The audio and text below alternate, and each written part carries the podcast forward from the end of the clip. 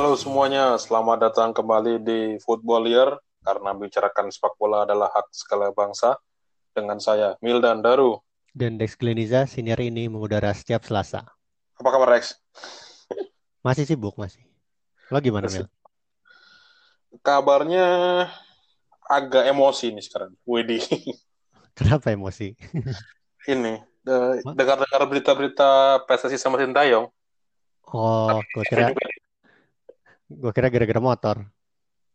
Oh enggak, enggak, enggak, enggak. Itu permasalahan pribadi lah. Jangan dibawa-bawa ke sini.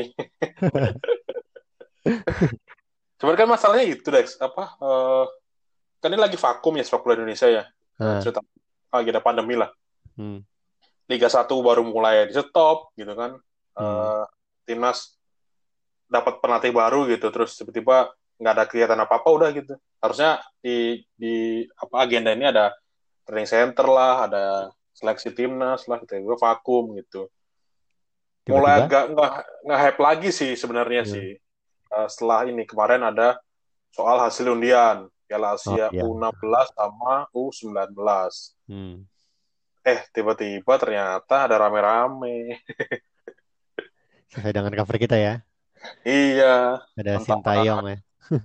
Bung Sintayong dengan Indra Safri, Dan Atau PSSI PSSI. juga. sesi dua Hmm. itu. Hmm. Dan cukup gimana? bikin bikin gregetan gak sih Dex? Lu gregetan gak sih?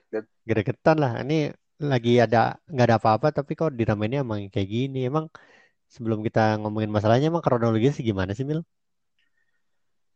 Kronologisnya ini mau lengkap apa versi skip-skip apa versi apa nih?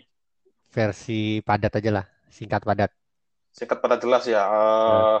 Pertama Sintayong ditunjuk tuh timnas Indonesia tuh Desember 2019, Nah, akhir tahun kemarin ya. akhir Baru. tahun kemarin. Masih agak baru sebenarnya kalau dari meskipun udah enam bulan ya, cuman karena nggak ada kegiatan apa-apa, jadi kesannya emang eh oh, baru kemarin ditunjuk gitu. Harusnya kita main di international break ya. Bulan April, bulan Maret apa April gitu gue lupa. Tapi kan Ada ya, ada di. Thailand kan, harusnya tandang ke Thailand Hmm. salah satunya. Hmm. Nah itu nggak jadi, Akhirnya tapi belum pernah main ya? belum pernah main sama sekali. Jadi dia tuh dikontrak 4 tahun, Hmm. belum pernah main. Ada sih main sih lawan eh, Persita, tapi gue gue nggak nggak bilang ini laga persahabatan sih. Nah, Gue bilang Oh, ini cuma ya? laga kalah, kalah satu empat, menang hmm. Persita. Hmm. Gue sih ini nggak nggak nggak akan lihat hasilnya, nggak kenapa, karena gue ngerasa emang ini bukan standing, ini mah eh, latihan terus eh, butuh butuh sparring latihan biasa lah gitu. Nah, dan pas kalah itu Ham Hamkazah bilang Hamkazah tuh uh, kaptennya Persita Hah? dia bilang karena pemainnya kelelahan pemain timnasnya dia bilang Oh. ya ini lawannya padahal lawannya dia lawannya dia ngebela tanda kutip gitu dia bilang kelelahan karena karena Sintayong nge- ngegeber fisik katanya jadi selama latihan training center itu uh, ini di bulan Februari kalau nggak salah ya lawan Iya, Persita ini Februari. Hmm. lagi digembleng tuh pemain timnasnya tuh lagi Oh, digembleng kecapean. fisik kecapean gara-gara gitu. Oh. Heeh. Jadi kecapean disuruh tanding gitu. Tapi mungkin tandingnya emang tadi bu, cuman kayak ngasih apa? Match fitness. eh, Iya match fitness atau ball feeling juga gitu doang sih sebenarnya Hmm. sih gitu. Kayaknya ya. Iya, sebenarnya Sintayong udah banyak dibilang latihan fisiknya keras banget kan ya? Dari Mhm. media-media sih gue tanya. Nah sebenarnya kalau gue lihat sih ini nggak nggak beda jauh sih waktu zaman Indonesia juara SEA Games dulu kan polosin kan? Itu juga dikritik, Oh iya. dikritik sih kayak kayak pemain-pemain tuh pada pada protes lah nih kenapa latihan fisiknya kok berat banget gitu. Bah- Bahkan ada program latihannya kan gue bocor gue lihat di tweetnya Ainur apa balasan tweetnya Ainur nggak salah deh orang Jawa Pos. Katanya pemain pada kelelahan dan berguguran udah, udah pada males latihan lah gitu. Teman hasilnya gimana kan bagus kan juara SEA Games 91 terakhir kali Ya, ini ini cerita cerita Polosin sih emang cerita salah satu cerita yang terus di- diputar-putar Hmm. terus sih. Emang pemain muntah-muntah lah apa segala macam gitu. Iya. Tapi itu met- metode lama lah maksudnya kita nggak bisa ngomong kasih tahu kalau zaman sekarang ya menurut gua harus muntah Level dulu to baru berhasil gitu ya nggak gitu gitu Hmm. lo harus just- justru lo harus tahu gimana kadar fisiknya pemain lo gitu ketika lo udah sampai limit belum tentu itu kemudian jadi berhasil gitu sih tapi Hmm. kalau soal polosin ya cuman ngomong-ngomong Sintayong tadi yang apa eh, background backgroundnya deh backgroundnya tuh kan dia pelat mantan pelatih Korea Selatan di Piala Dunia 2012 Hmm. Ini yang- udah level dunia nih. yang menterengnya nih dia main Piala Dunia coy Hmm. terus sebenarnya dia pengalamannya juga di sebelum-sebelumnya ngelatih tim junior juga, tim junior Hmm. Korea Selatan. Ada di kelompok Hmm. umum juga, baru kemudian ditunjuk ke tim senior. Hmm. Yang fenomenal itu dia mere- mereka gagal lolos ke 16 besar, cuma di fase Hmm. grup doang ya 2018. Tapi yang fenomenal adalah di laga terakhir fase grup tuh kalau nggak salah, mereka Hmm. menyingkirkan Jerman tuh. Menang 2-0, akhirnya Jerman nggak lolos ke 16 besar. Hmm. Eh, sejarah memalukan buat Jerman gitu sampai dia nggak lolos ke 16 besar gitu. Hmm. Terus kalah dari Korea Selatan. Hmm. Tim asuhannya eh, Sintayong. Hmm. Dia Nah. juga juara AFC Champions League kan? Iya Sintayong. dulu apa bareng Seongnam kalau nggak salah ya. Iya. CV-nya bagus lah ya. Oke lah CV-nya gitu. Spesial. Kelas dunia kita bisa bilang udah kelas dunia sih ini. Bahkan dibanding Luis Mia, kalau CV doang ya bagusnya di Sintayong kan? Eh agak bisa diperdebatkan sebenarnya sih, cuman Sama-sama. Eropa ya. nah, dia pernah juara Eropa di kelompok umur juga sih Luis. umur. ah. Nah, dan dia legenda Real Madrid, Bro. Iya sih. Gue sejujurnya lebih tahu Luis Mia waktu pas pertama kali. Misalkan namanya sama-sama pertama kali muncul nih. Gue lebih tahu Luis Mia daripada Sintayong. Iya, iya, iya. Lebih lebih mentereng emang secara apalagi dia main main di Eropa gitu. Hmm. Eh, skip skip skip itu eh dia di- dikenalin tadi di Desember 2019. Hmm. Januarinya eh training center tuh sekaligus seleksi timnas Hmm. di Jakarta. Ada yang di U19-nya, ada yang di seniornya juga. Hmm. Habis itu eh, Fe- Februarinya mereka ke Thailand Hmm. Thailand ya benar. buat training center sama ada latih tanding juga kalau nggak salah. Ah. Setelah pulang dari Thailand ini yang mulai bibit-bibit muncul perselisihan tuh mulai ada api-apinya muncul tuh di sini, Dex. Kenapa Jadi emang? pasca pasca training center itu Indra Syafri yang Hmm. menjabat sebagai asisten pelatih itu dipindahin ke direktur teknik timnas. Hmm. Seperti dipindahin lah, belum tanding kok udah dipindahin gitu. Hmm. Spekulasinya katanya sih gosip-gosipnya gitu ada perselisihan antara Indra Syafri sama Sintayong. Hmm. Tapi Nah, masih kalau- sebat, masih sebat- sebatas eh, Gosip. spekulasi doang ya gitu. Hmm. Soalnya kalau dari asisten ke dirtek tuh kan naik jabatan kan? Naik jabatan sebenarnya. Hmm. Eh, makanya ada bilang ini, oh kayaknya Indra Syafri di, diselamatkan tanda kutip gitu. Diselamatkan sama siapa maksudnya?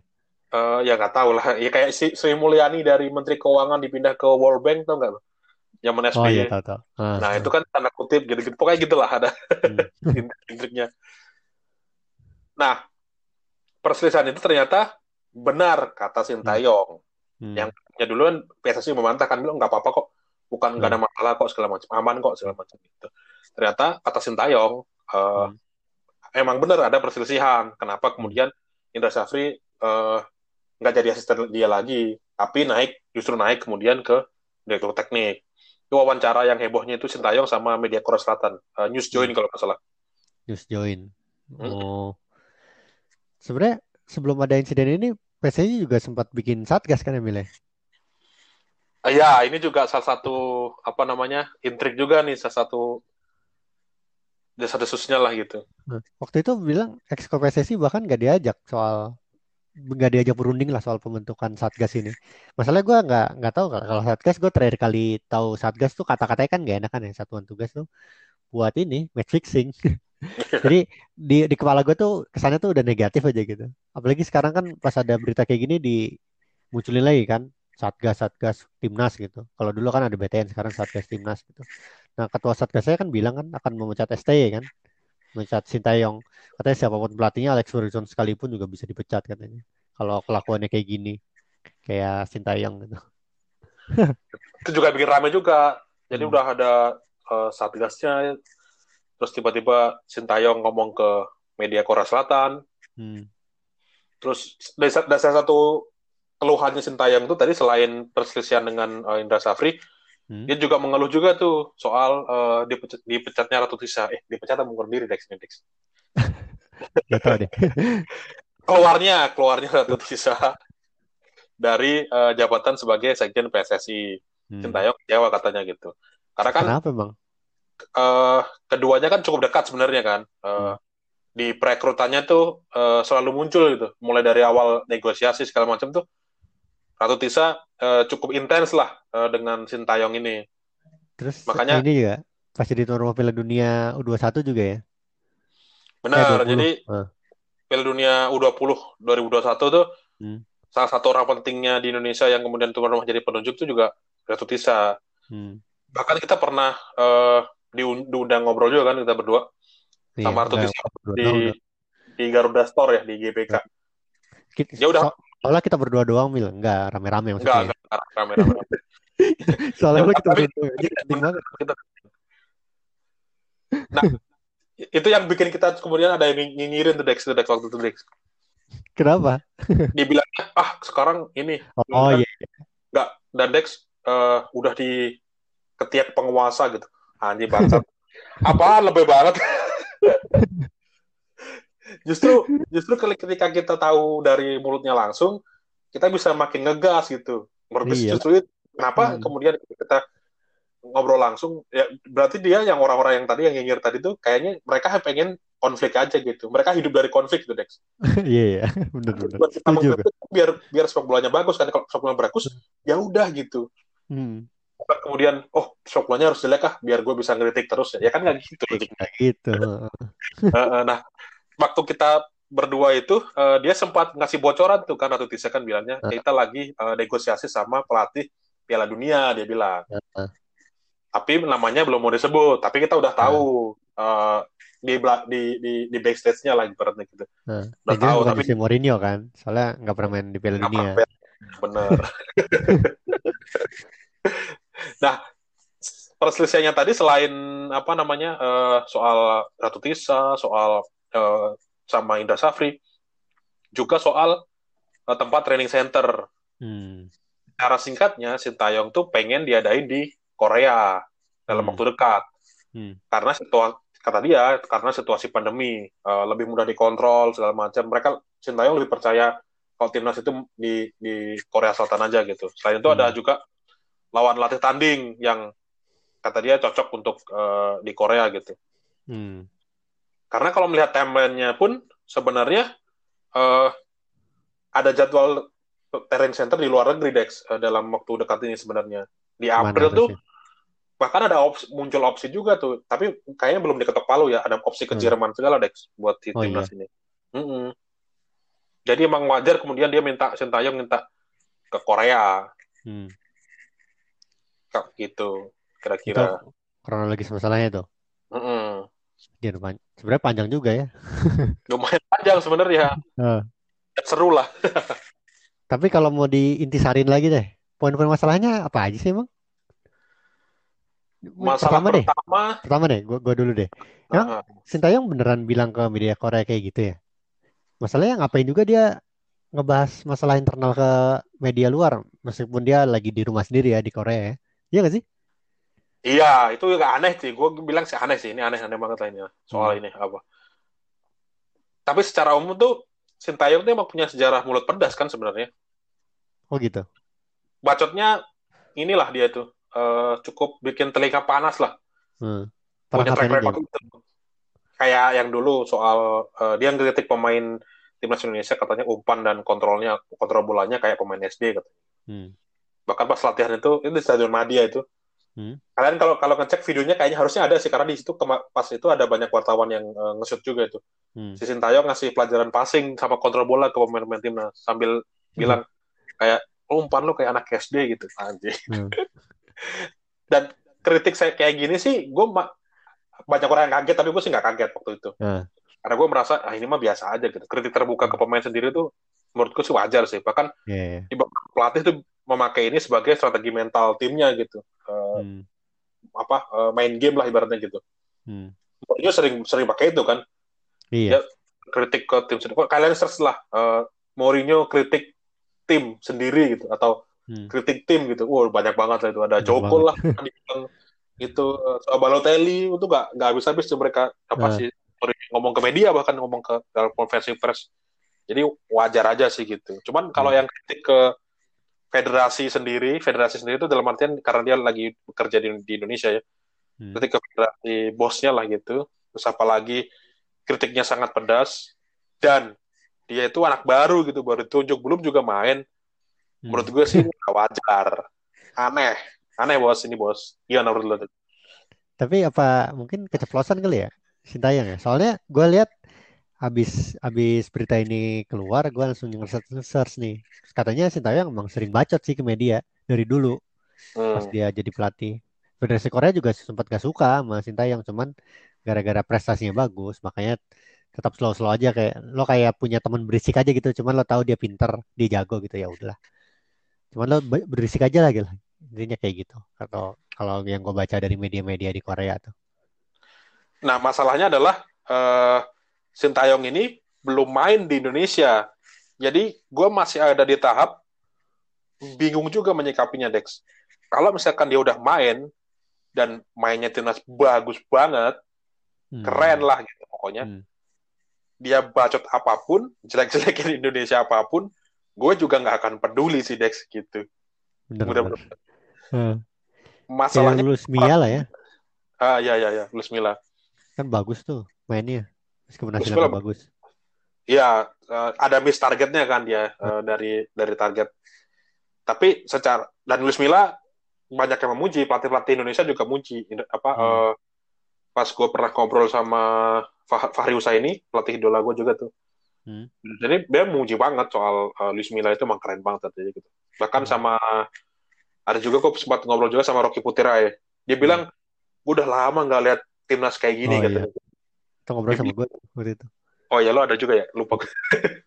Dia bilang Iya. ada timnas lagi lagi kebobolan, lagi dalam kondisi tertinggal, tapi mentalitinya mentality pressingnya masih pressing kayak main di awal gitu, nggak ada turun mental, nggak ada apa kata dia. Wah ini gila sih kata dia gitu. Nah, Mental- masalahnya itu kan Luis Mia. Nah, kalau Sintayong emang belum membuktikan itu sih Amilnya. Masalahnya itu. Jadi kemudian mau ngebelain juga gimana? Ya dari CV-nya doang paling ngebelain ya. Bagus nih orang juara dunia. Eh juara dunia. Pemain kelas eh pelatih kelas dunia. Udah juara Liga Champions Asia. Iya dari itu doang gitu dan Hmm. kemudian jadi bingung juga itu dan emang mulutnya juga kurang ajar sebenarnya sih. Iya ya. Tapi kan Tapi- dibalas kan habis itu kan. Indra Safrinya Nah, yang dia bilang apa eh Sintayong tuh nggak profesional dibilangnya karena Hmm. Tadi alasan-alasan kayak gitu tuh nggak oke katanya gitu. nah masalahnya tuh pas dia komentar itu gue taunya dari mana coba? Situs PSSI. Aneh Iya. banget deh. Juga judulnya juga kayak provokatif gitu. Bawa bawa bawa harga diri bangsa. Gue lupa judulnya gimana. Artikelnya naik di situs PSSI kan.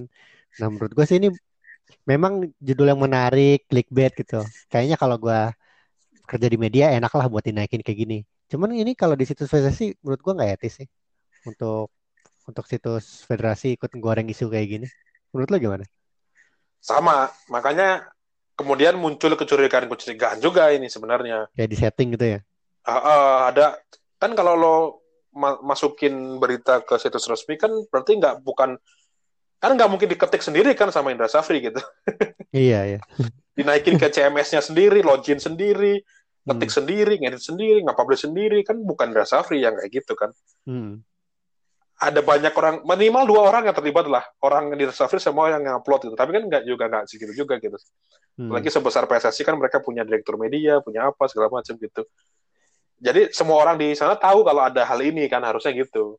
Harus gitu. Cuman masalahnya kalau kalaupun mau licik lah gitu kalau gue sih anggapannya jangan dinaikin di situs PSSI tapi ya dibocorin aja gitu. Transkripnya dibocorin. Bilang ke media mana gitu jangan naikin di situs sendiri lah. Jadi kelihatan gak etis aja. Dapat dapat senjata lah buat menyerang PSSI jadinya orang-orang tuh. Atau ada juga itu memang pembelaan yang wajar juga mungkin ya dari dari Indra Safri. Mungkin yang merasa eh PSSI dan Indra Safri gitu eh, Wajar. dua-duanya merasa ya gue harus melakukan pembelaan nih gitu. Eh, isinya wajar. Bagus. Isinya bagus. Secara secara kata-kata dan secara konten tuh enak lah gitu. Cuman ya itu nggak nggak etisnya di situs PSSI aja sih menurut gua. Itu doang masalahnya. Bukan isinya bukan apa-apanya lah. Fotonya segala macam nggak nggak ada masalah. Ya, dia dia beratnya cuma membalas saja, cuman membalasnya dipertontonkan gitu kan sebenarnya. tapi setahu gue sih nggak dibahas sih. Nggak tahu deh kalau Nggak di Ini- nggak di tweet ya, nggak di tweet kayaknya. nah, ini tuh Selasa tanggal berapa nih? 23 Juni ya nggak dibahas. Ini kan setahu gue 20 Juni beritanya. Cuma ditaruh aja di situs PSSI udah gitu ya. Heeh. Iya, Tapi netizen yang menggoreng kemudian. iya, bener sekali. Dan media-media semuanya juga udah membahas kayak apa siapa pengganti Sintayong gitu-gitu segala macam kan udah Iya, udah rame tuh. banget sih. Udah rame aja.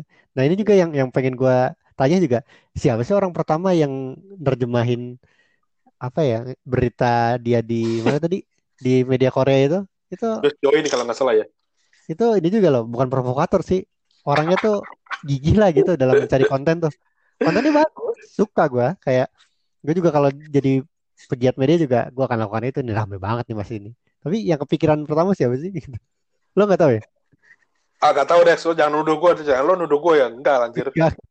Gue kan nanya nih. jangan-jangan, jangan-jangan lo sendiri, enggak. Enggak, gue nggak tahu. Kalau gue sendiri gue buat udah buat. Gue udah buat duluan.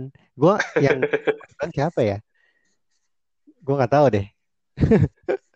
Nanti lah, kalau di, kalau di, kalau di tracking sih nemu sih, kalau di tracking nemu. Hmm. Yang pertama kali.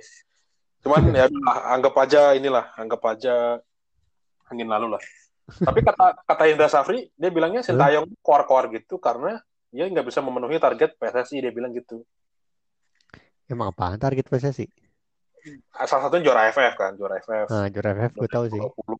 Terus ada nantilah ada final bagi. nih, 19 kalau salah. Kenapa Des? Perempat final 19. Ya, salah satunya itu juga. Jadi udah emang musuhan banget sih mereka berdua ini udah.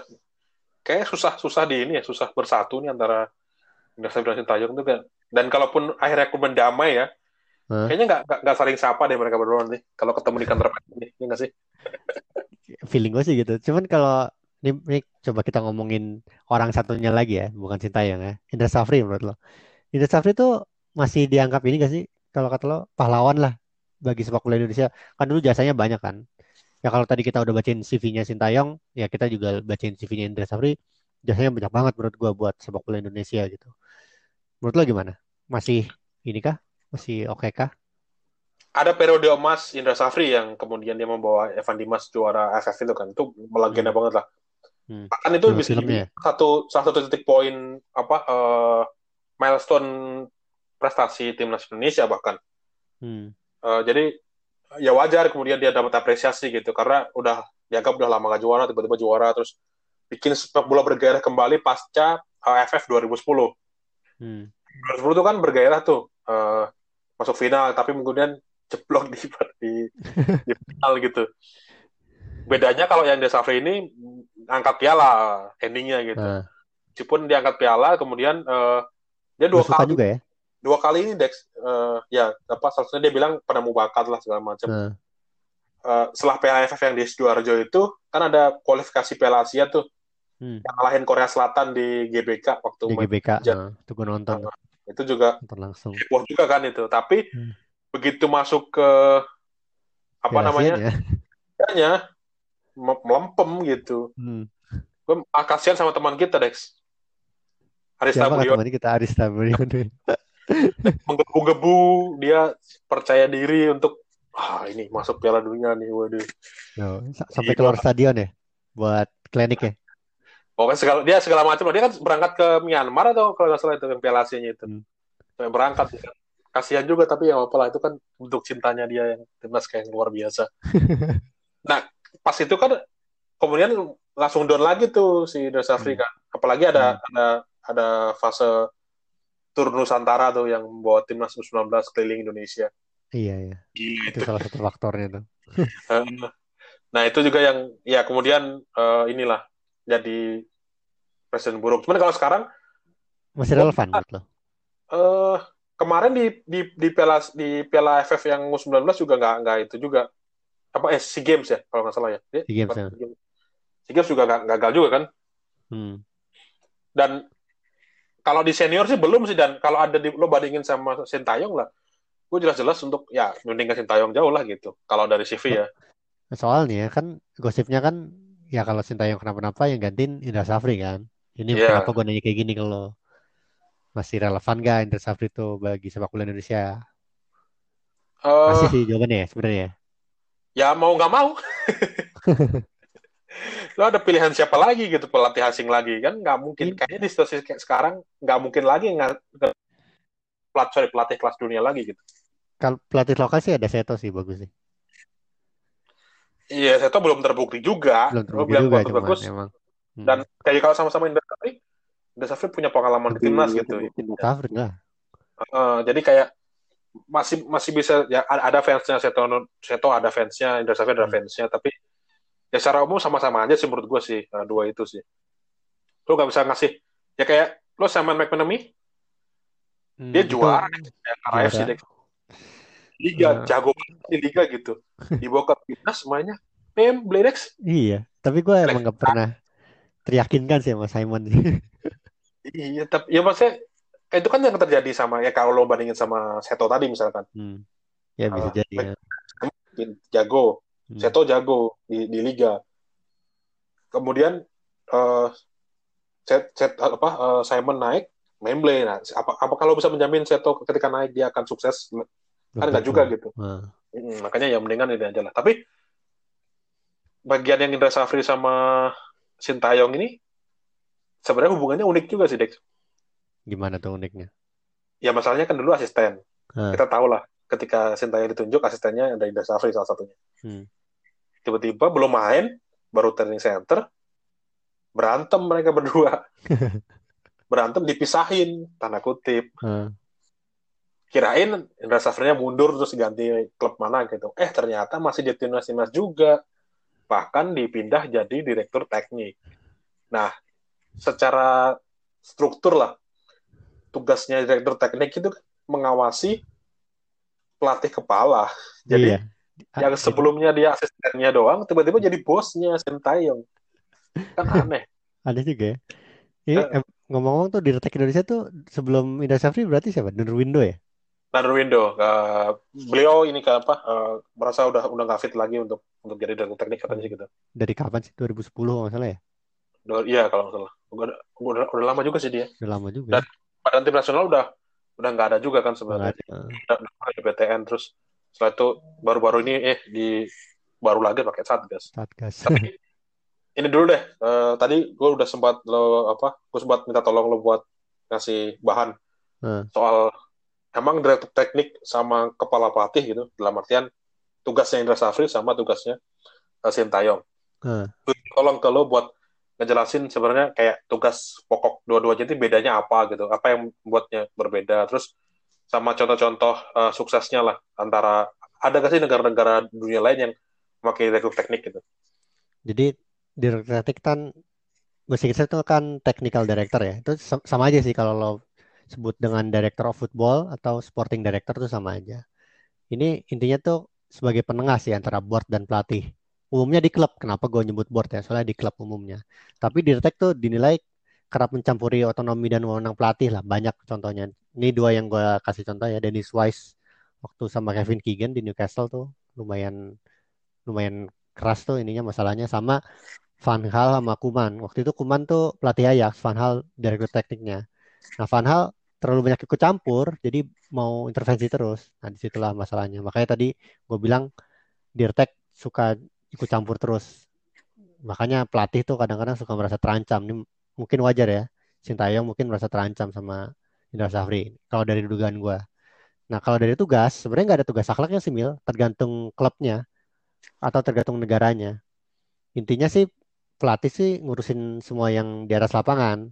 Nah, kalau di Retek tuh ngur- ngurusin yang di luar lapangan, kayak bisnis, nge-hire dan pecat staff latih, scouting, rekrutmen, strategi jangka panjang, improve fasilitas, filosofi juga kadang bahkan jadi kerjanya di direktur teknik. Cuman itu balik lagi kembali ke klub masing-masing atau negara masing-masing. Nah, kalau di level timnas, dia tuh punya tanggung jawab dalam program pengembangan teknik secara nasional. Ini hubungan langsungnya tuh sama Sekjen, terus juga Presiden Federasi, sama siapa? Iwan Bule berarti ya. Sekarang Sekjennya siapa sih setelah Ratu Tisha? Lupa gue. ada ya? saudaranya lupa Namanya gue Cucu lupa. Jadi si Direk ini lupa gue itulah Direk ini berhubungan langsung dengan Sekjen, Presiden Federasi, sama bahkan Komite Eksekutif tentang visi jangka panjang, pengembangan strategi teknik dalam beberapa beberapa tahun untuk meningkatkan level permainan timnas. Nah, Ternyata setelah gue cari-cari, memang lebih banyak dirtek itu di klub, di timnas tuh dikit. Tapi di FIFA udah diatur dirteknya ternyata. Dirtek untuk timnas lah. Katanya untuk mengembangkan sepak bola putra dan putri dalam hal-hal berikut nih. Jadi sepak bola putri juga harus dikembangkan ya. Ada tujuh hal katanya. Yang pertama sepak bola masyarakat. Jadi dirtek tuh bertanggung jawab kayak memasyarakatkan sepak bola lah gitu. Gak cuma elit doang. Yang kedua edukasi pelatih. Yang ketiga baru sepak bola elit. Atlet-atlet elitnya lah. Terus habis itu yang keempat penelitian dan dokumentasi. Yang kelima aspek di atas lapangan. Yang keenam kepemimpinan dan juga analisis dan yang ketujuh kemampuan organisasi gitu Mil kalau dari FIFA. Nah kalau di dari paparan lo tadi tuh gue ngerasa seadanya ini bisa bersinergi antara direktur teknik sama pelat, kepala pelatih, gue sih uh, ada bayangan cerah gitu ibarat, oh ini asik banget nih kalau kalau sampai kejadian nih. Kayak misalkan status uh, training center pelat, kepala pelatih pengennya uh, ada di Korea karena menganggap uh, situasi pandemi lebih uh, lebih terkontrol. Hmm. Habis itu uh, ada lawan-lawan uji tanding lebih lebih terjamin karena Korea Selatan udah main bola lagi, liganya udah jalan lagi. Jadi hmm. se secara match fitness mereka ready untuk tanding gitu. Hmm. Kalau di Indonesia kan uh, sepak bola stop total kan gitu. Iya. Yeah. Nah, gue ngerasa kayak misalkan anggap aja Sintayong uh, dia curhat ke Indra Safri tuh Indra hmm. gitu. gue pengen lawan-lawan hmm. yang uh, fresh mainnya kayak gini hmm. terus habis itu uh, kok karena gue lihat lawan di grup ya fase grup ini tolong lo bantuin scouting buat melihat calon-calon lawan nah lo lo corong-corong cari lawan yang mirip-mirip gaya mainnya dengan ini hmm. misalkan oh ternyata mereka posturnya model-model kayak gini oh mereka uh, filosofi bermainnya kayak gini lo tolong cariin lawan sepadan gitu hmm. nah habis itu si direktur tekniknya nyari tuh oh ini gue nemu nih uh, mendingan jangan di sini karena di sini mending di negara ini aja misalkan dia tiba-tiba nemu sekalian aja ke Eropa atau ke mana misalkan gitu hmm. nah kan jadi sinergi yang oke okay gitu gue ngebayanginnya yeah. gitu uh. Bahkan bisa misalkan masalahnya adalah uh, ya kita tahu alat PSSI maunya di Indonesia mungkin karena uang juga ya gue sih hmm. salah satu prediksinya sih karena kalau bawa sekarang ke Korea dengan kondisi krisis kayak gini kayaknya butuh duit yang super banyak gitu. Hmm. Apalagi gajinya Sintayong juga dipotong 5%. Jadi tiba-tiba Indra Safri bilang, "Oh, lo ini uh, khawatir sama pandemi ya, hmm. Sin?" gitu. Karena manggilnya Sin kan. Atau Yong. Tae. lo kan khawatir sama pandemi. Gue jamin uh, di ini gue kita ada stadion Madia di dekat GPK. Di, di dekatnya ada uh, hotel Sultan misalkan gitu. Hmm. Atau hotel apa di hotel sekitar GBK itulah. Gue bisa ngejamin lo pemain akan di sini doang gitu. Uh, lo dalam waktu misalkan lo butuh dua minggu intens, gue bisa menjamin pemain nggak akan keluar masuk ke pas segala macam gitu selama hmm. dua minggu lo pemain konsisten. Gue bisa manggilin uh, kalau lo butuh uh, latih tanding gitu. Gue bisa cari akademi lain atau klub Liga 1 yang gaya-gaya mainnya mirip misalkan gitu-gitu. Hmm. Nah kalau terjadi sinergi kayak itu kan gue main wah anjir keren banget sih gitu iya bener eh kenyataannya ternyata malah saut-sautan ini argumen tapi lo tadi kalau bilang contoh suksesnya gitu ya kalau di Retek ini sebenarnya sih uh, lebih sering ditemukan di klub sih Mil. Kayak Siki BG Christian. Ah, tik tiksi tiksi. Nah, gue gue ini bang. Dari Barca ke Man City karena Pep Guardiola gue inget banget. Iya. Sebenarnya kan kita kalau lihat rekrutan rekrutan pemain yang bagus kayak Torre gitu-gitu kan gara-gara dia kan. Nah cuman sebenarnya banyak juga sih yang gagal juga kayak Halep Cerginski juga gara-gara dia. Jadi tapi memang lebih banyak kisah-kisah suksesnya terus juga yang kedua misalkan kayak Monchi di Sevilla bagus banget kan terus habis itu ke Roma terus juga kalau di Chelsea itu Michael Emenalo namanya Damien Comoli juga pernah di Arsenal Spurs Liverpool sama Fenerbahce sama yang sekarang lagi banyak diomongin Ralf Rangnick di Red Bull Leipzig. Oh Leipzig oh ya. Nah, itu kan pelatihnya kan Nagelsmann memang kan. Cuman dia yang di filosofi soal perekrutan pemain harus di bawah berapa sih gue lupa 25 atau berapa tahun gitu. Terus game mainnya harus pressing kayak gitu-gitu tuh otaknya di Ralf ini sebagai dirteknya Leipzig gitu. Nah, itu kan di, di klub tapi Dex. Kalau nah, di timnas gimana? Lo tahu generasi masa Belgia kan? Tahu, gue pernah bikin tulisan soal ini sih. Nah itu mastermindnya itu ada di namanya Michael Sablon. Yang dia blueprintnya itu kan ada blueprintnya. Blueprintnya tuh Buat dari semua semua semua semua semua tim harus main 4-3-3 salah satunya itu. Nah iya, heeh. Eden Hazard, Vincent Kompany, Kevin De Bruyne itu dari situ semua. Dari gara-gara misal Sablon itu udah terbukti sukses, sukses kan di Belgia kan, peringkat satu FIFA meskipun gak juara dunia ya, tapi peringkat satu FIFA. Nah dia dikontrak lah sama Singapura, sepak bola Singapura nih tahun 2015. Ayo dong lo bikin sepak bola kita kayak Belgia katanya gitu. Ternyata cuma tiga tahun dia di sana gagal.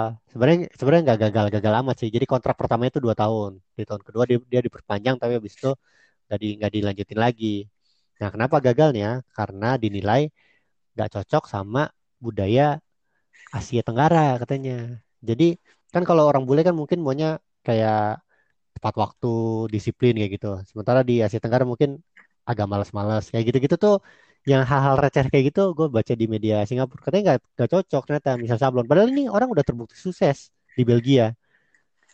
CV-nya udah keren banget lah. Tapi begitu di Singapura nggak cocok. Nah di situlah pelajarannya bahwa kita tuh nggak bisa sembarangan nge-hire orang. Terutama di di level-level atas gitulah.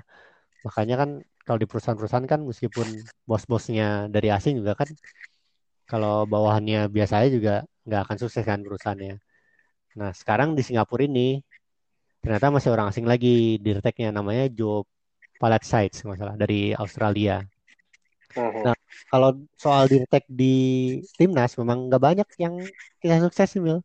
Tapi kalau cuma nyebut doang nggak bisa nyebut berapa lah. India punya Doro Isak namanya. Ini orang Romania nih. Terus juga Malaysia di Asia Tenggara misalkan ya. Malaysia punya Peter Deru. Tadi Singapura punya ya orang Australia itu. Vietnam punya orang Jepang namanya Yusuke Adachi. Sisanya ternyata nggak ada di AFF tuh yang punya direktur te- teknik gitu. Kalau gue pernah ngobrol sama Robert Rene Alberts nih, kan kita kan suka, tadi kan gue bilang kan suka intervensi kan antara dirtek ke pelatih kan. Tapi Hmm. di, di Inggris tuh hampir nggak ada dirtek tadinya, meskipun sekarang sekarang udah ada dirtek. Karena itu di- udah di cover so- oleh manajer. Sementara kita kan bingung, manajer, pelatih, dirtek nih ada tiga nih. Bedanya beda-bedanya gimana? Nah, waktu gua ngobrol sama Robert Rene Alberts, itu sebenarnya memainkan peran pelatih, manajer sekaligus dirtek. Waktu di PSM tapi ya, gua nggak tahu dia di Persib gimana. Nah, terus ah, untuk yang episode ini gue sempat ngobrol sama Coach Justin. Coach Justin kan ex dirtek timnas futsal kan ya. Jadi gue Ya. gua pengen bilang, pengen nanya Coach eh, bantuin gue perspektif dirtek dari yang nasional dong kayak gimana sih gitu. Kalau ada yang dari luar negeri tuh gue ada banyak lah, udah banyak tahu gue bilang gitu. Nah dia jelasin, emang dirtek harus dibudayakan, terutama di Indonesia. Soalnya katanya kalau enggak nanti satu negara cuman ter- ketergantungan sama satu pelatih doang. Nah cuman dia bilang kalau bisa cari yang selevel biar nggak saling ngotot katanya gitu. Kecuali dua-duanya orang asing, soalnya kan nggak ada backingan kan. Tapi dia bilang sih sebaiknya paling bagus memang kalau sama-sama orang lokal. Soalnya butuh biar ada teman diskusi dan yang ngontrol juga gitu. Jadi kalau Berarti yang sekarang ada ada ada backingannya, Dex. kalau Indra Safri harusnya sih ada sih. Dugaan gue ada sih Oh, Oke. dirteknya. Jadi maksudnya lo kalau lihat konfliknya gitu antara Indra Safri sama Sintayong misalkan, ya lo kalau dilihat dari perspektif PSSI sih ya wajar lah ngebelain Indra Safri gitu. Iya gak sih? Eh, iya sih, eh, model-modelnya emang dan kalau di secara umum, lo setuju nggak sih kalau Indra Safri cocok dari eh, ini direktur teknik? Gue lihat dari pengalamannya Indra Safri ya kayak dia belusukan, dia tahu bakat-bakat pemain, dia tahu sepak bola Indonesia kayak gimana juga hal-hal positif dan negatifnya. Menurut gue sih dia cocok dirtek sih memang. Dia tahu luar dalam lah gitu. Cuman kan ada satu jabatan mungkin ya yang belum dia dia masih penasaran lah. Itu timnas senior kan. Makanya wajar juga Jadi ketika nah, ketika gua eh, eh, apa ya kalau mau mewajarkan dia ngincer jabatan itu seperti yang dia ucapkan di mana sih YouTube tuh Oh, di di Hanif vlognya dan Randy. Hanif dan Randy Show itu. Eh, itu, itu sebenarnya lagi Dan bercanda sih konteksnya sih. kalau bercanda. Ya. Cuman gue gua gua post aja biar lucu aja. Cuman di, di wawancara sebelum-sebelumnya tapi Dex Hah? emang dia mengamini hal itu sih. Dia bilang eh, doakan saja terus eh, ya siapa yang nggak mau dia bilang gitu. Hmm. Emang itu udah diaminin sama Indra Safri bukan bukan kita karang-karang ya emang dia dia pengen mengincar jabatan itu gitu cuman ya kalau kondisinya kayak sekarang ya nggak etis lah untuk lo kemudian mengincar jabatan gitu karena kata Ardi Ardi Sufi yang satu apa teman kita juga hmm. dia bilang kalau di di Indonesia ini budaya pelatihnya itu sebenarnya saling so, saling sopan santun gitu hmm. uh, sangat anti membicarakan taktik pelatih lain kayak mengkritik apa gitu sangat anti hmm. terus uh, kalau disuruh uh, ngeritik atau apa pun gitu baik-baik aja gitu. Oh iya, saya dia pelatih idola saya, dia ini dia hmm. pelatih bagus. Itu uh, modelnya ini uh, budaya itu udah budaya saling menghormati gitu. Makanya begitu ada IS, IS lain lain, hmm. bukan Indra Safri. yes yang lain. Iwan Setiawan. Koar-koar gitu, kaget semua orang tuh, hah, hmm. kok ini orang kaget gitu. Tiba sekarang IS yang lain juga keluar-keluar juga ternyata. Yes, ya. Beda sih, lebih belak-belakan Iwan Setiawan. iya ya, maksudnya itu. Jadi model-modelnya emang sebenarnya lokalnya gitu. Lokalan tuh harusnya lebih inilah, lebih kalem gitu. Hmm. Gitu sih. Dan kalau ngomongin soal tadi training center, kan satu permasalahan juga tuh Dex. Hmm. Uh, ketika di PSSI dan Indra Safri pengennya di Indonesia, tapi si Tayong pengennya di Korea Selatan. Menurut lo ini dengan situasi sekarang, mendingan kayak gimana untuk training center nih ya? Secara umum sih gue udah jelasin di episode 38 ya waktu itu ya. Jadi uh, kembali ke masalah dalam rangka apa, di mana dan kapan. Jadi buat apa lo training centernya? Kalau misalkan kalau mau main di Piala Dunia di Qatar 2022, ya tisinya jangan ke Eropa Utara misalkan ke Skandinavia gitu nggak cocok. Nanti mainnya di cuaca panas lo latihan di cuaca dingin gitu. Nah kalau kasus kita sekarang nih cocoknya gimana gitu kan ya? Ya ya. Dilihatnya dari persiapan dulu. Jadi kalau gue lihat sih AFC U16 mainnya di Bahrain kan ya? Kayaknya latihan di Indonesia cukup terusnya terus kalau AFC U19 mainnya di Uzbekistan oh iya AFC U16 tuh September mainnya. Kalau AFC U19 Oktober 2020 itu mainnya di Uzbekistan. Uzbekistan sih sebenarnya cocok-cocok aja sih buat latihan di Korea Selatan. Di Indonesia kurang cocok. Uzbekistan tuh Korea Selatan, Cina, Turki mungkin cocok. Cuman kalau di Indonesia kayaknya kurang. Ini Oktober ya, masih lumayan. Lumayan dekat sih kalau dilihat dari timeline kayak gini. Kalau Piala AFF, AFF tuh November, akhir November tuh home away sih aslinya Mil. Cuman karena COVID kan rencananya sih di satu dua negara di Vietnam kalau nggak salah tuh yang paling potensial jadi tuan rumah itu juga bisa di Indonesia aja sih. Sementara ini sih gue lihat sih kalau dilihat dari target ya, karena fokusnya itu benar-benar di AFF. Di AFC U19 itu kan cuma perempat final ya, cuman ya dalam tanda kutip. Jadi gue rasa sih sebenarnya di Indonesia juga cukup. Sebenarnya harusnya gitu. Nah ini juga gue sempat baca penelitian dari Sport Science School of Rio Mayor tahun 2019 nih penelitiannya bilang kalau training center terbaik itu di tempat yang sama dengan kompetisi. Makanya tadi gue lihat dulu nih kita persiapannya di mana nih. AFC U16 di mana, U19 di mana, AFF di mana, Piala Dunia U20 di mana di Indonesia tempatnya kan. Nah, meski latihan taktik bagus, misalkan kan kalau latihan taktis kan harus diem ya. Makanya di tempat yang lebih hangat kan biasanya kayak winter break pada ke Timur Tengah misalnya tim-tim Eropa Nah, itu kelihatan taktiknya bagus, tapi ternyata manfaat fisik akan jauh lebih positif kalau dilakukan di tempat yang sama dengan kompetisinya. Cuman latihan di tempat lebih hangat tuh memang kebanyakan bagus buat psikologis pemain. Jadi ini ini studinya di ini sih di Eropa, makanya kan Eropa kan banyak kan nyari yang lebih hangat kan. Itu bagus buat psikologis mereka. Cuman kalau balik lagi ke Indonesia ya sesuai nama tempatnya sendiri sih. Gitu kalau kalau soal lokasi sih Mil. Kalau dari gua tapi dengan kondisi sekarang kayaknya ya itu kan secara teori emang oke okay lah ya gitu hmm. untuk dengan satu satu negara yang sama gitu di kompetisi segala macam cuma situasi sekarang tuh agak limbung juga tuh deh masalahnya kan ada pandemi ini kan hmm. dan uh, duit pasti pas-pasan juga tuh ya, tadi udah kita singgung juga soal gaji Sintayong dipotong 50 persen hmm. jadi emang lagi nggak ada duit semuanya dan semuanya semuanya emang lagi nggak ada duit gitu bahkan sekelas hmm. Barcelona pun potong gaji Dex gitu. Jadi lo mau ngomong apa lagi gitu. namanya stadion kan? Uh, uh, gitu. jadi uh, kayaknya agak susah juga kalau kita harus ke sana gitu. Secara duit ya secara duit kayaknya susah deh. Tapi di Indonesia juga agak agak sulit juga karena situasi pandeminya kayaknya masih belum terkontrol dengan baik. Karena kurva kurvanya kan belum turun tuh masih Aman naik lah. terus. Dibanding Korea mah jauh lah lebih. Makanya gue mewajarkan juga sih Sintayong bilang ke Korea aja lebih aman secara COVID kan pertama.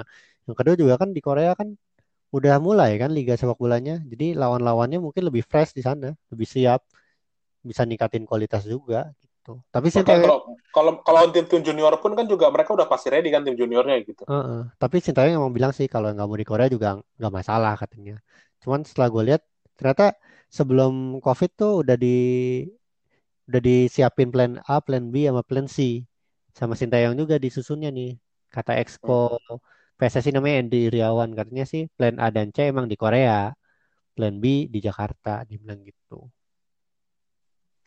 Dan ada juga wa- wacana soal yang timnas U19 eh, dimasukin ke Liga 1 aja katanya. Nah, kalau kayak gitu cocoknya tesnya ya udah di Indonesia aja sekalian, biar sekalian main di Liga 1. Liga 1 jadi 20 Tap- tim kan katanya kan ya. Atau 19 Tapi tim masalahnya salah. Ada masalah juga tuh kan itu makanya wacana-wacana hore-hore deh menurut gue ya.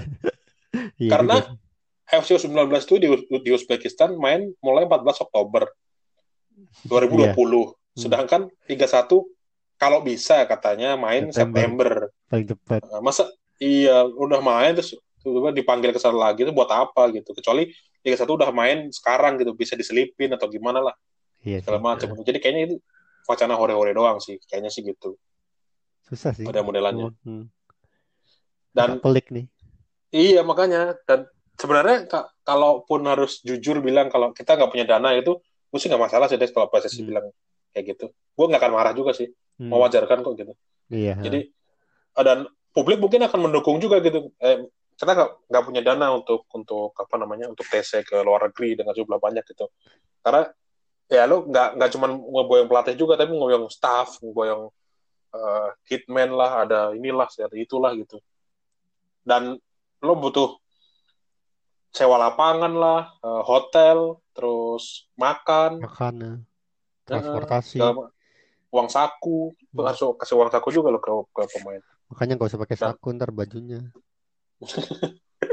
Dan ada belum tuh tes tes COVID-nya tuh Dex, lo harus tes dulu COVID-nya, Udah dua jutaan memastikan ya. aman. Iya, terus ya habis itu kalau ke sana mungkin harus karantina mandiri dulu 14 hari. Gimana Hmm. caranya 14 hari eh, tetap latihan tapi karantina gitu kan kayaknya nggak kepikiran ya karantina di Korea Selatan tapi masih punya lapangan latihan gitu. Iya sih, habis waktu juga nanti. Tapi secara umum sih kalau ngelihat timelinenya itu tadi ya eh, U16 kita bisa inilah bisa bukan mencepelekan tapi udahlah ini urusannya Bima Sakti aja lah gitu. Mudah-mudahan. Akan main main September kan ya. Eh, Apa emang targetnya? eh, Targetnya apa emang? final, Semifinal. semifinal kan. Oh iya semifinal. Ya udahlah gitu kan masih U16 tuh masih junior gue selalu nganggap bagian dari development aja udah gitu. U16 tuh yang grupnya berat-berat itu kan Jepang, Arab Saudi, sama Cina kan ya? Hmm, hmm, hmm, hmm. Tap- Tapi ya udah nggak apa-apa lah gitu udah. Ah, good luck Bima Sakti. Good luck, Iya. good luck Milky Way. Cuman yang U19 ini Dex menurut gue yang agak agak harus diseriusi karena Hmm. emang bener nih AFC U19 kita tidak ngaruh apa-apa. Dalam artian sebenarnya kan kalau lo semifinalis lo bisa masuk ke Piala Dunia kan? Hmm, Piala Dunia Piala U20 eh, Indonesia. jalur Asia kualifikasi Asia. Nah Piala Dunia udah di Indonesia. Jadi apa pun yang terjadi Indonesia tetap akan masuk Piala Dunia. Hmm, cuman kan harus dipersiapkan juga karena ini jadi kerangka tim juga kan Dex? Hmm. jadi gue sih menganggap eh, apa pun yang terjadi gitu eh, nggak peduli lo tim Indra Safri lah lo tim Sintayong lah gitu udah harus diselesaikan sih apa pun Iya. keputusannya gitu bahkan seburuk apa pun keputusannya gitu kayak Hmm. ya misalkan amit-amit lah gitu Sintayongnya dipecat lah Indra Safrinya dipecat lah salah satunya gitu dipecat biar nggak bentrok atau bahkan dua-duanya dipecat gitu ganti yang baru gitu apa pun yang dilakukan PSSI lah tapi Hmm. harus dilakukan dengan sangat cepat gitu Hmm. Masalahnya sekarang udah bulan Juni Hmm. FC 19 Oktober. Tim aja belum latihan lagi Dex ini Dex bayangin. Iya.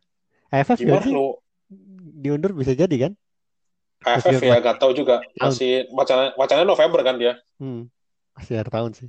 Aman sih har- Enggak, harusnya. itu juga juga masalah juga tapi ya udahlah tapi yang terdekat dulu deh gitu yang Oktober ini gitu Hmm. Juni Juli Agustus September Oktober kurang dari lima September. bulan lah Oh, 16 September. Oh, 19 oh Oktober. enggak U19 Oktober ya U19 U19 Hmm, tuh 19 ya maksudnya. kurang dari lima bulan lagi lah gitu Hmm. jadi harus cepat-cepat gitu kasus ini diselesaikan gitu jangan sampai mengulur-ngulur terus sih gitu menurut lo gimana tuh Ya setuju. Ya kalau gue lihat sih memang ini ini apa ya kekhawatiran dari Sintayongnya sih.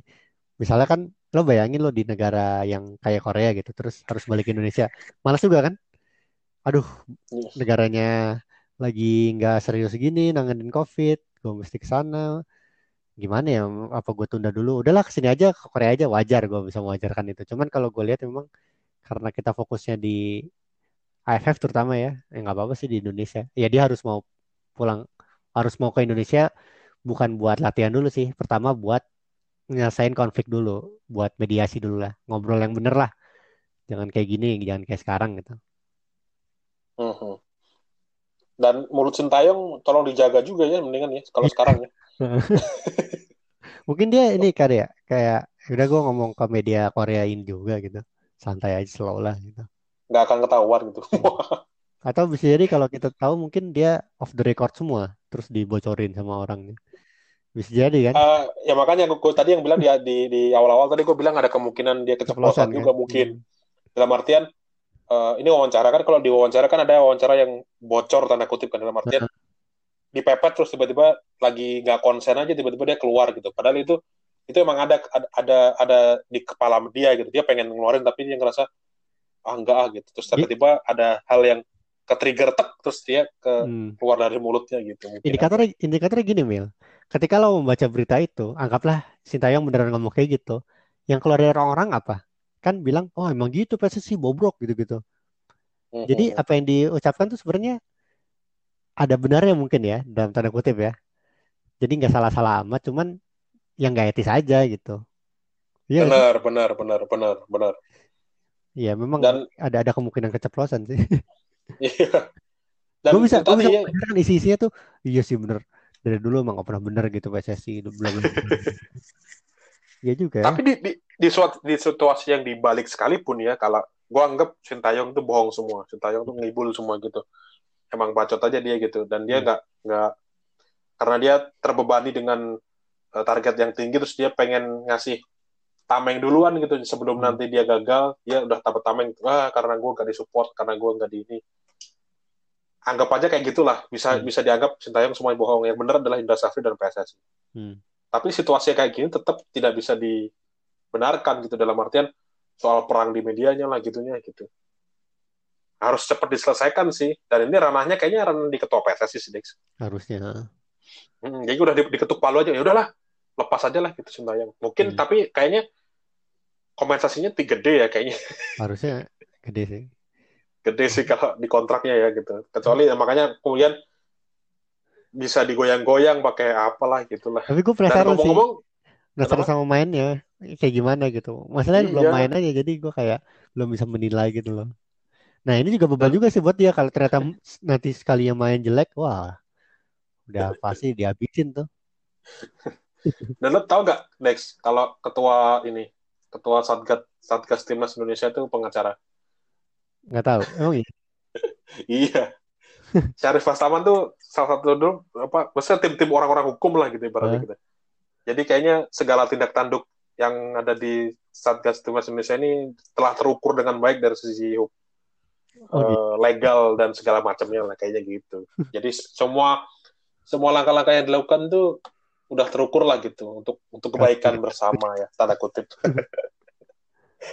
Makanya lo hati-hati lo ngomong des, lo jangan aneh-aneh lo ngomongin tiba-tiba dikasusin kapok lo. ya udah lo ada lagi des yang nomor itu Dex. Ya gitu aja sih ya ini drama Korea lah emang. Iya drama Korea. ya udah ini harus harus kita hentikan Dex daripada nanti keceplosan terus terjadi hal yang tidak diinginkan. Gue sih belum kawin Dex ya masalahnya. Kalau lo kan udah punya anak jadi harus Iya. hati-hati juga. Padahal episode kita ini ya apa ya? Kalau biasanya kan timeless kan ini berarti kontekstual banget ya.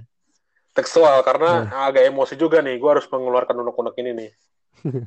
Gue sih ngerasa pengen mencurahkan ini ke podcast makanya ya bilang ke adminnya ke admin Footballer ID di Instagram sama Twitter buat ngasih kisi-kisi dulu lah, kasih tahu ke orang-orang biar kita, kita tahu kalau kita bahas ini. Mungkin next kita akan ada model-model kayak gini juga ya. Jadi ketika ada kasus yang emang wow dan layak untuk dijadikan uh, satu episode khusus, kita akan melakukannya sih. Misalnya Liverpool juara. Ya. Padahal lu, lu bohong, lu jangan bohong, lu jangan bohong. Ini udah ada, udah ada, ini udah ada draftnya nih di di poin-poinnya dulu jangan bohong lu. Kalian nantikan dulu ya, nanti ada ada episode khusus untuk episode, uh, Liverpool juara. Beda dari yang lain lah, semoga lah. Tiba-tiba nggak juara. Ngeselin banget. Tiba-tiba juara ya. ya udahlah, sekian dari kita berdua. Uh, hmm. Saya Wildan Daru dan teman saya Dex Leniza. Uh, izin pamit, terima kasih sudah mendengarkan. Dadah semuanya. Dadah. Ini adalah suara pandit komputer. Terima kasih telah mendengarkan. Jangan lupa share ke teman-teman kalian.